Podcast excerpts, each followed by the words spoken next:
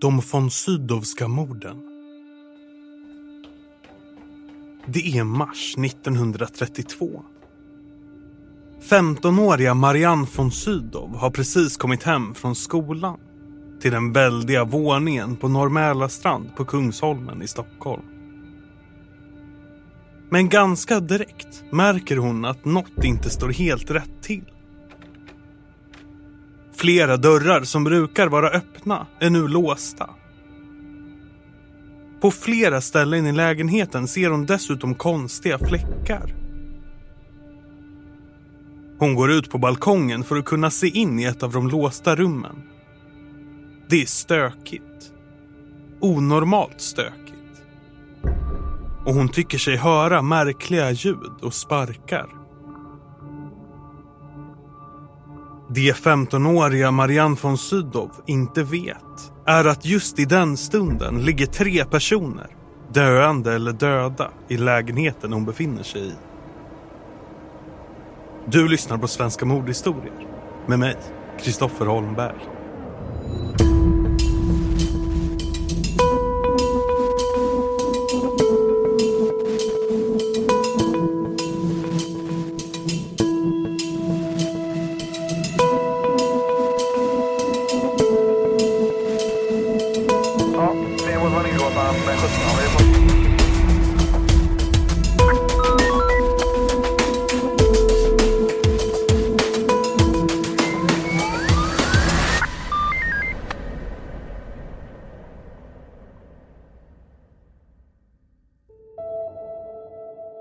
Portuppgången Norrmälarstrand 24 är belägen i en ståtlig byggnad.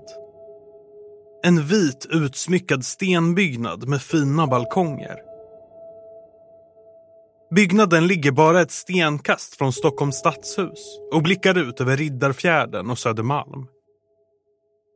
För att bo här måste man vara väldigt förmögen. Det är också familjen von Sydow som huserar på den här adressen i en enorm lägenhet med åtta rum.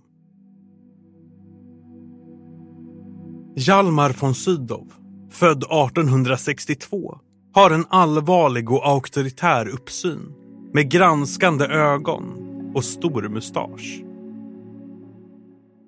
Han är i början av 1930-talet en stor ekonomisk och socialpolitisk figur i Sverige. Hjalmar är politiker och lagman. Mellan 1907 och början på 30-talet är han också direktör för Svensk Arbetsgivarförening. Dåtidens motsvarighet till Svenskt Näringsliv. Han beskrivs som en kunnig och beslutsam man. Hjalmar har fyra barn. De två äldre systrarna Dagmar och Rut som i början av 30-talet har gift sig och flyttat hemifrån. Mellanbarnet Fredrik och den yngsta Marianne.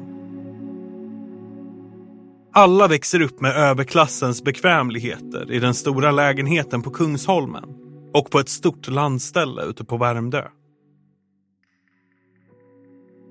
Hos Hjalmar bor även fruns brorsdotter Monica Schwartz som är några år yngre än Marianne samt två hushållsarbetare, 24 och 60 år gamla. Men allt är inte gott hos familjen från Sydow.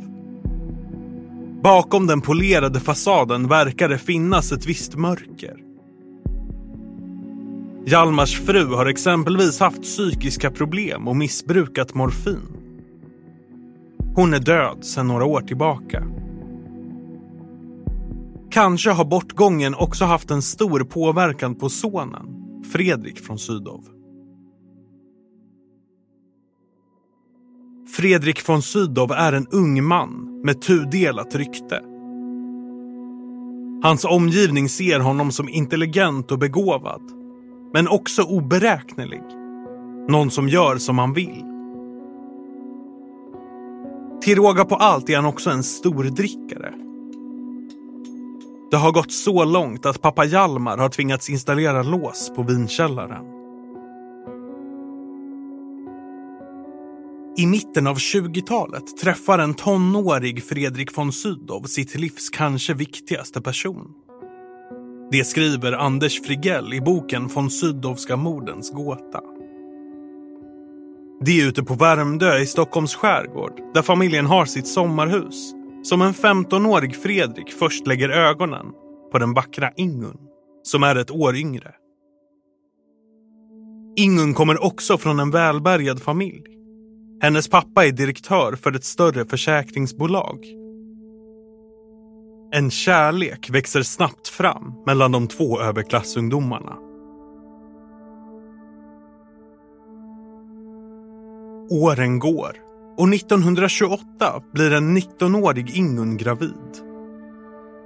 Det verkar inte uppskattas av hennes pappa. Han bestämmer nämligen att Ingun ska åka ner till Italien för att föda barnet och att hon ska återvända utan det. Så blir det också. På faderns uppmaning återvänder Ingun till Sverige utan den lilla dottern. Ingun flyttar till Malmö där hon får bo hos en släkting och jobba på ett försäkringsbolag. 1929, året efter att Ingun och Fredriks dotter föds, flyttar en 21-årig Fredrik till Uppsala och börjar studera juridik och filosofi. Den unge von Sydows studentliv kommer, som så många andras, att präglas av mycket festande. Han går sällan upp tidigare än klockan 16. I Uppsala hyr Fredrik ett litet rum på Kungsgatan 42. Men han slarvar med hyran. 1930, när Fredrik och Ingun har känt varandra i cirka sju år, gifter de sig. Och strax efter bröllopet hämtar de hem sin dotter från Italien. Men det här sker utan någon av deras fäders uppmuntran. Och något vanligt familjeliv blir det inte för de nu äkta makarna. De två hindras helt enkelt från att bo tillsammans. Ingun får bo med dottern hos sin pappa i Stockholm och Fredrik får stanna i Uppsala. Där fortsätter han sitt minst sagt fartfyllda och slösaktiga leverne. 1930 portas Fredrik från studentföreningarna som han var medlem i. Det går även rykten om att Fredrik är kriminell.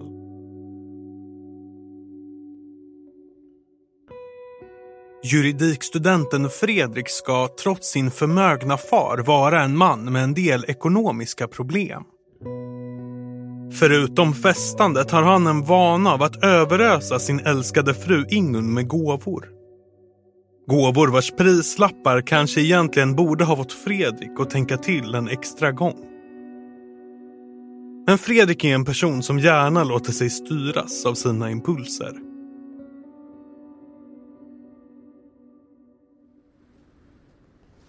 Den 7 mars 1932. Våren har ännu inte fått grepp om Stockholm. Den 13-åriga Monica Schwartz vandrar genom kyliga Stockholmsgator på väg hem till Norr 24. Hon är brorsdotter till Hjalmar von Sydows avlidna fru men får nu bo i hans enorma lägenhet för att gå i en skola i Stockholm där hon nu bott i ett halvår. Det passar ganska bra. Hon är nämligen nära i ålder till Fredriks yngre syster Marianne som är 15 år gammal. Klockan 16.25 går kusinen Monica in i porten på Norr 24 och upp till lägenheten. I vanlig ordning stoppar hon in nyckeln i dörren, vrider om och öppnar. Men något tar emot. Det är säkerhetskedjan som av någon anledning är påkopplad. Men det dröjer inte länge innan hennes kusin den 23-årige juridikstudenten Fredrik von Sydow kommer och släpper in henne. Det här är egentligen inget konstigt. Fredrik har nämligen kommit ner från Uppsala en dryg vecka tidigare för att plugga på Kungliga biblioteket. Samtidigt som Monica kommer in i lägenheten säger Fredrik att det är kokerskan som satt på låset när hon varit hemma själv och varit rädd för att någon skulle ta sig in. Väl inne ser den 13-åriga kusinen Monica att ett finger från en handske är instoppat i ett av lägenhetsdörrens nyckelhål. Hon tar av sig sina ytterkläder och Fredrik passar på att säga att hustrun Ingun har spilt vatten när hon vattnade blommor. Som för att förklara varför det är blött på golvet. Eller varför de håller på att städa. Han säger att de två hushållsarbetarna som jobbar i familjens våning, det 24-åriga hembiträdet och den 63-åriga kokerskan, har fått ledigt. Pappa Hjalmar är iväg, men har lämnat 10 kronor som ska räcka till mat och bio för de två flickorna. 13-åriga kusinen Monica och 15-åriga dottern Marianne von Sydow. Monica går in till Marians rum, som är tomt för tillfället, och sätter sig och läser. Utanför rummet kan hon höra att någon torkar mattan. Kanske är det Fredriks fru Ingun som städar upp efter vattnet hon spilt. Efter ett tag kommer Fredrik in till kusinen Monica och säger hej då. Monica lämnas ensam i den stora lägenheten. Men snart märker hon att hon kanske inte är ensam. Monica tycker sig höra ljud som påminner om snarkningar från kokerskans rum som ligger bredvid. Hon avslutar läsandet och beger sig ut i resten av lägenheten. I hallen får hon syn på Hjalmar von Sydows rock. Konstigt, tänker hon, eftersom sonen Fredrik sagt att han inte skulle vara hemma. För att undersöka går hon bort till Hjalmars rum. Dörren är stängd och Monica antar att Hjalmar måste vara hemma men helt enkelt vill vara i fred. Klockan 17.10 kommer Hjalmars 15-åriga dotter Marianne von Sydow hem.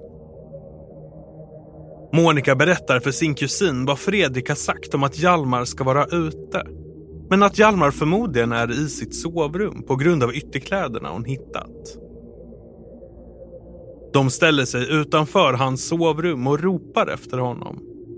Men det förblir tyst i den enorma lägenheten. Då kommer Monica att tänka på ljuden hon hört från kokerskans rum. Och de två kusinerna går ut på balkongen från vilken de kan se in i den äldre hushållsarbetarens rum. De kan inte se någon där, men rummet är onormalt stökigt. Nu hör Marianne också något från rummet. Något bultande och något som låter som en andning. Situationen blir allt märkligare och obehagligare. De ringer till en av familjen från Sydovs nära vänner, Sven-Olof Hallman, och ber honom att komma.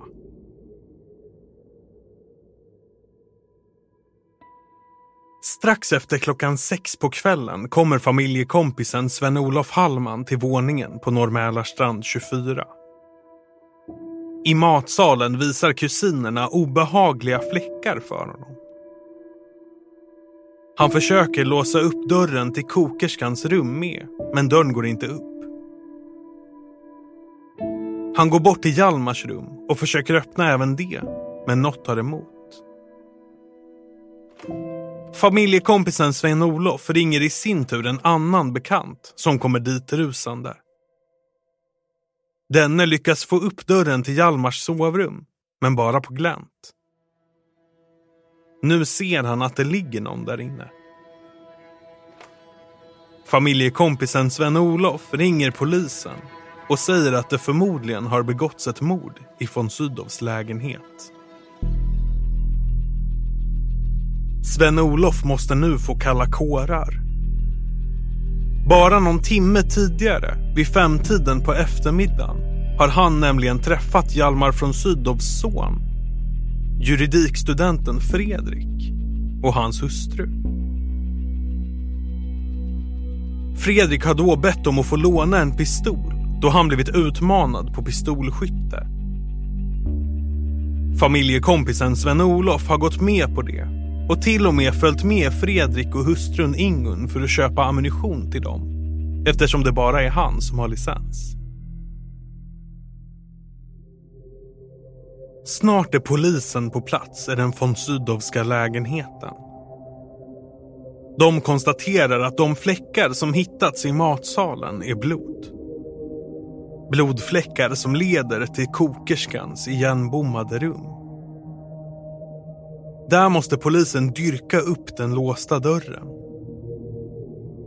När de får upp den möts de av en fasansfull syn. Hjalmar von Sydow ligger på rygg på golvet, död. En stor pöl blod ligger bredvid honom. På en stol vid fönstret ligger den 63-åriga kokerskan död. En blodpöl vid henne också. I Hjalmar von Sydows sovrum hittar de det 24-åriga hembiträdet. Också död.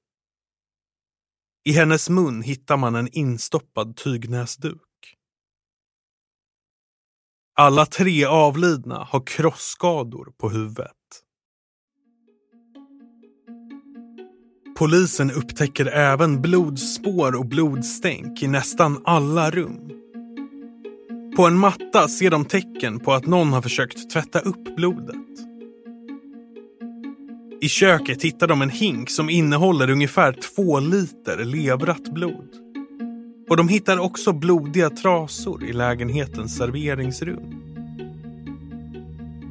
På en hylla i samma rum hittar de en blodfläck som är kusligt lik undersidan av ett strykjärn.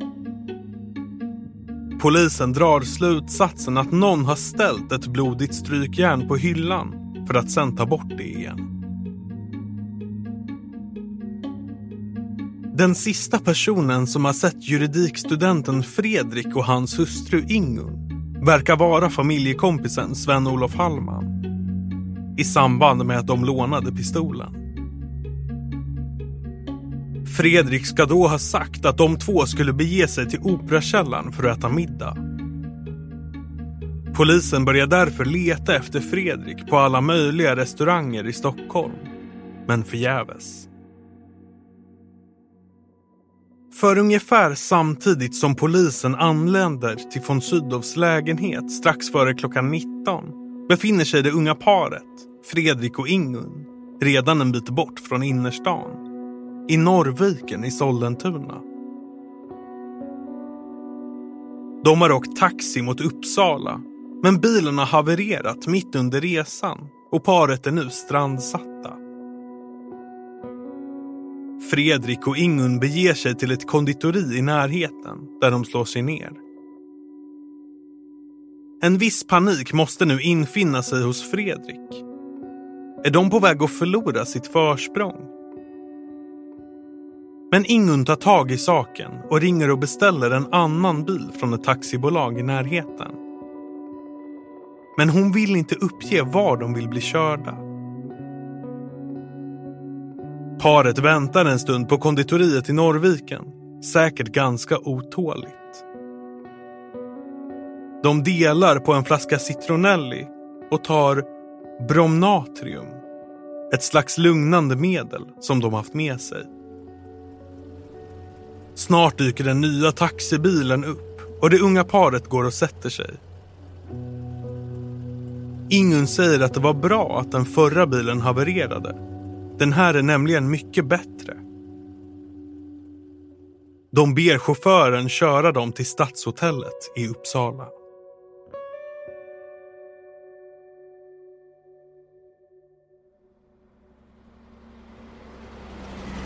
Paret anländer till universitetsstaden där planen är att ta in på hotell.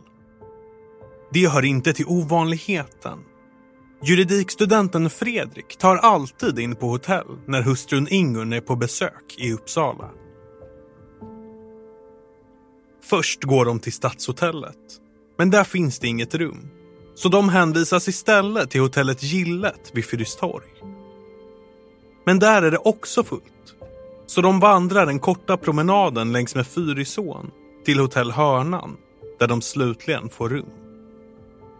Efter det går paret tillbaka till gillet för middag. Klockan är då cirka halv åtta. De tar ett bord och beställer in ostron och champagne. Klockan 21.30 kontaktar Stockholmspolisen sina kollegor i Uppsala som börjar leta efter den 23-årige juridikstudenten. Först på stadens restauranger. I ungefär två och en halv timme sitter makarna Fredrik och Ingun ensamma i restaurangen. Efter middagen beställer de in frukt och sherry. Men snart tycks de tröttna på att vara ensamma. De lämnar nämligen gillet och tar sig till Stadshotellet strax före klockan tio.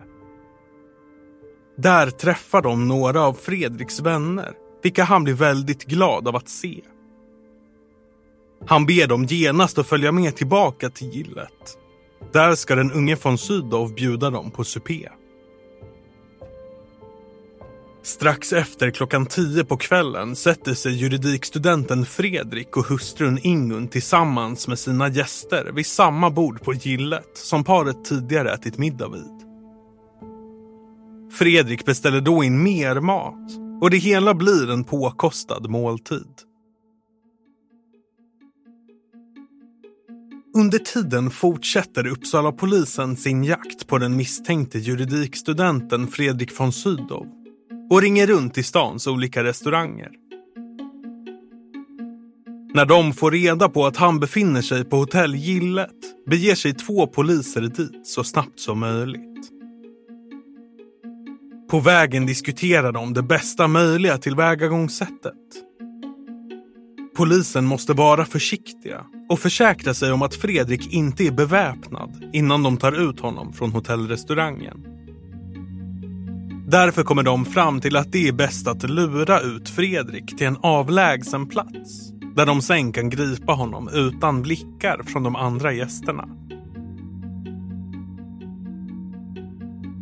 När polisen kommer fram till gillet söker de genast upp hotellets vaktmästare och förklarar sin plan. Tillsammans kommer de överens om att vaktmästaren ska föra den 23-åriga juridikstudenten till ett rum som ligger en trappa upp från restaurangen. Där ska poliserna vänta på honom. Om de har dörren på glänt kommer de kunna se när Fredrik kommer upp för trappan och på så vis vara förberedda. Vaktmästaren går in i restaurangen och närmar sig det unga paret där de sitter med sina vänner. Vaktmästaren säger att någon vill prata med Fredrik och att han ska följa med. Fredrik tvekar, men följer med ut i hallen där trappan till övervåningen finns. Han säger till hustrun Ingun att det är bäst att hon också följer med. Polisen ser från dörrspringan hur vaktmästaren kommer upp i trappan. Han pratar med någon. Det måste vara Fredrik von Sydow. Snart kan han gripas. Väl ute i hallen frågar juridikstudenten Fredrik vem det är som har sökt honom. Vaktmästaren svarar att en besökande väntar där uppe men undviker att svara på Fredriks fråga. Fredrik och hustrun Ingun börjar röra sig uppför trappan. Men då säger vaktmästaren att han tror att besökaren egentligen bara vill prata med Fredrik. När paret hör det vänder Ingun om och börjar gå ner för trappan. Fredrik följer efter. Ingun sätter sig på en stol i hallen. Fredrik går fram till sin hustru och lutar sig över henne. Han viskar några ord i Inguns öra samtidigt som han drar upp något ur sin högra byxficka. En pistol. Han riktar den mot Inguns huvud och avfyrar. Inom någon sekund har han även riktat vapnet mot sin egen tinning och klämt om avtryckaren. Polisen hör två skott och rusar ut ur rummet och ner för trappan. I hallen ser de hur båda makarna von Sydow ligger på golvet, blödandes från sina huvuden. En ambulans kallas snabbt till platsen och rusar iväg det skottskadade paret till Akademiska sjukhuset som ligger ungefär en kilometer bort. Fredrik von Sydow visar svaga livstecken under ambulansfärden. Men när paret undersöks av en läkare på sjukhuset konstateras det att de båda är döda. På restaurang Gillet hittar man en grå ulsterrock som juridikstudenten Fredrik ska ha haft på sig. I fickan hittar polisen en ask med 16 patroner samt två lösa patroner i samma ficka. I restaurangens garderob hittar de också ett paket som tillhört Fredrik. Ett paket som innehåller en kavaj med torkade blodfläckar på sig. Den 8 mars, morgonen efter morden, genomför Uppsala polisen en husrannsakan hos den nu avlidne juridikstudenten Fredrik von Sydow. Man hittar bland annat inlösta växlar, skuldbrev, krognotor, kravbrev, pantsedlar och brev från hustrun Ingun. I de kläder som Fredrik haft på sig vid dödstillfället hittar man bland annat tio visitkort med Hjalmar von Sydows namn på och ett kuvert adresserat till fadern som innehåller en räkning från en bokhandel i Uppsala. Men inget verkar ge någon viktig information om morden. Vännerna som tillbringat kvällen med juridikstudenten Fredrik och hustrun Ingun på gillet har inte märkt något konstigt med honom. De har pratat skämtsamt med varandra. I Stockholm har varken 15-åriga systern Marianne eller 13-åriga kusinen Monica märkt något konstigt med Fredrik under tiden han spenderade i barndomshemmet innan morden. De ska inte heller ha märkt av en konflikt mellan fadern och sonen. Att det är juridikstudenten Fredrik som har begått de våldsamma morden på sin pappa Jalmar och de två hembiträdena verkar uppenbart. Frågan är bara varför. För att försöka få ett svar på varför morden begåtts kan man börja med att ta reda på vad som var mordvapnet. Om det är något som förövaren har haft med sig till mordplatsen så tyder det på att morden har varit planerade. Om det däremot är något som funnits på brottsplatsen redan innan kan det tyda på att gärningsmannen agerat i affekt och bara tagit första bästa föremål. Det skriver författaren och advokaten Anders Frigell i sin bok om de von Sydowska morden. Först tror man att mordvapnet är ett strykjärn. De söker igenom hela våningen, men hittar inget. Pressen rapporterar snart att det rört sig om ett järnrör. Det uppdagas att juridikstudenten Fredrik har köpt ett järnrör samma dag som morden ägde rum. Författaren och advokaten Anders Frigell verkar dock själv tro, efter att ha undersökt morden långt senare, att det snarare är strykjärnet som används. Och lyfter bland annat den strykjärnsformade blodfläck som polisen har hittat i lägenheten. Järnröret, spekulerar Frigell, kan Fredrik ha använt för att försöka få upp låset som pappan installerat på vinkällaren för att hålla sonen borta. Den 17 mars, tio dagar efter morden, kan Statens rättstekniska laboratorium rapportera att endast ett par ytterst små blodpartiklar hittats på järnstången. Det verkar inte kunna ge ett definitivt svar Blod har ju funnits i hela lägenheten.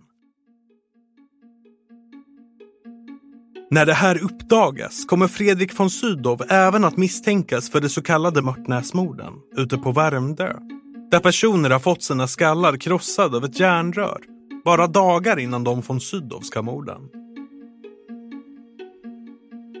Och de båda fallen har påtagliga likheter. I båda fallen hittas tre personer döda med krossskador på huvudet. Redan dagen efter morddramat på Kungsholmen och i Uppsala spekulerar Aftonbladet om att de två fallen kan ha samma gärningsman. De skriver att det har konstaterats en förbindelse mellan juridikstudenten Fredrik och offret Zetterberg som blev dödad i Mörtnäs på Värmdö. Zetterberg mördades för att komma åt pengar vilket skulle kunna vara ett motiv för den slösaktiga Fredrik. Aftonbladet spekulerar också att även om juridikstudenten Fredrik inte varit Mörtnäsmördaren så kan det mordet ha varit en inspirationskälla. Att Fredrik trott att han, precis som mördaren på Värmdö, skulle komma undan om han undanröjde alla vittnen.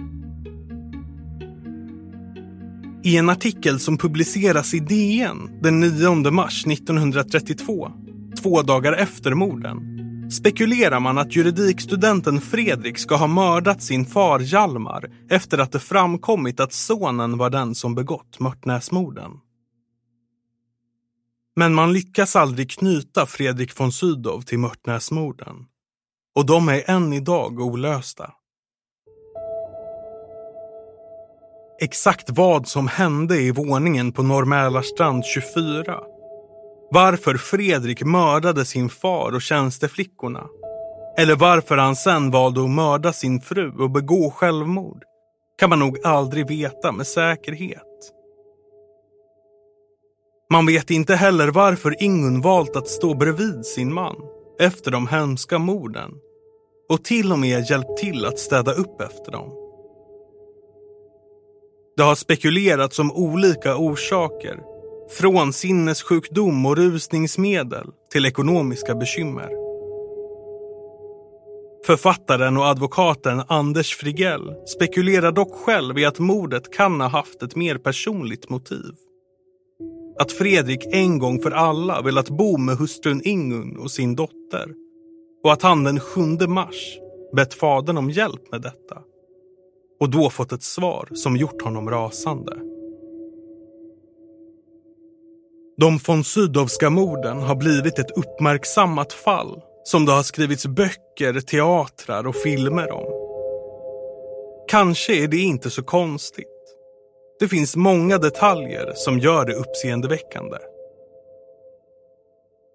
Men en detalj som många verkar glömma bort när man pratar om fallet von Sydow är Fredrik och Inguns dotter som befann sig hos sin morfar när morden begicks. Hos honom växer hon också upp och kommer först i tonåren förstå fullt ut vad hennes föräldrar har gjort. Svenska Dagbladet pratar med dottern om morden 2006 när hon, 78 år gammal, precis sett en pjäs baserad på händelserna. Hon säger till reportern att det är en enorm lättnad att se berättelsen gestaltad på scen att hon äntligen känner sig fri från det som hände den där dagen i mars 1932. Du har lyssnat på Svenska mordhistorier med mig, Kristoffer Holmberg. Manusförfattare är Axel Rosenberg. Källorna för avsnittet kan du läsa på podmi.com snedstreck svenska bindestreck mordhistorier. Svenska mordhistorier görs av podcastbolaget Cast för Podme.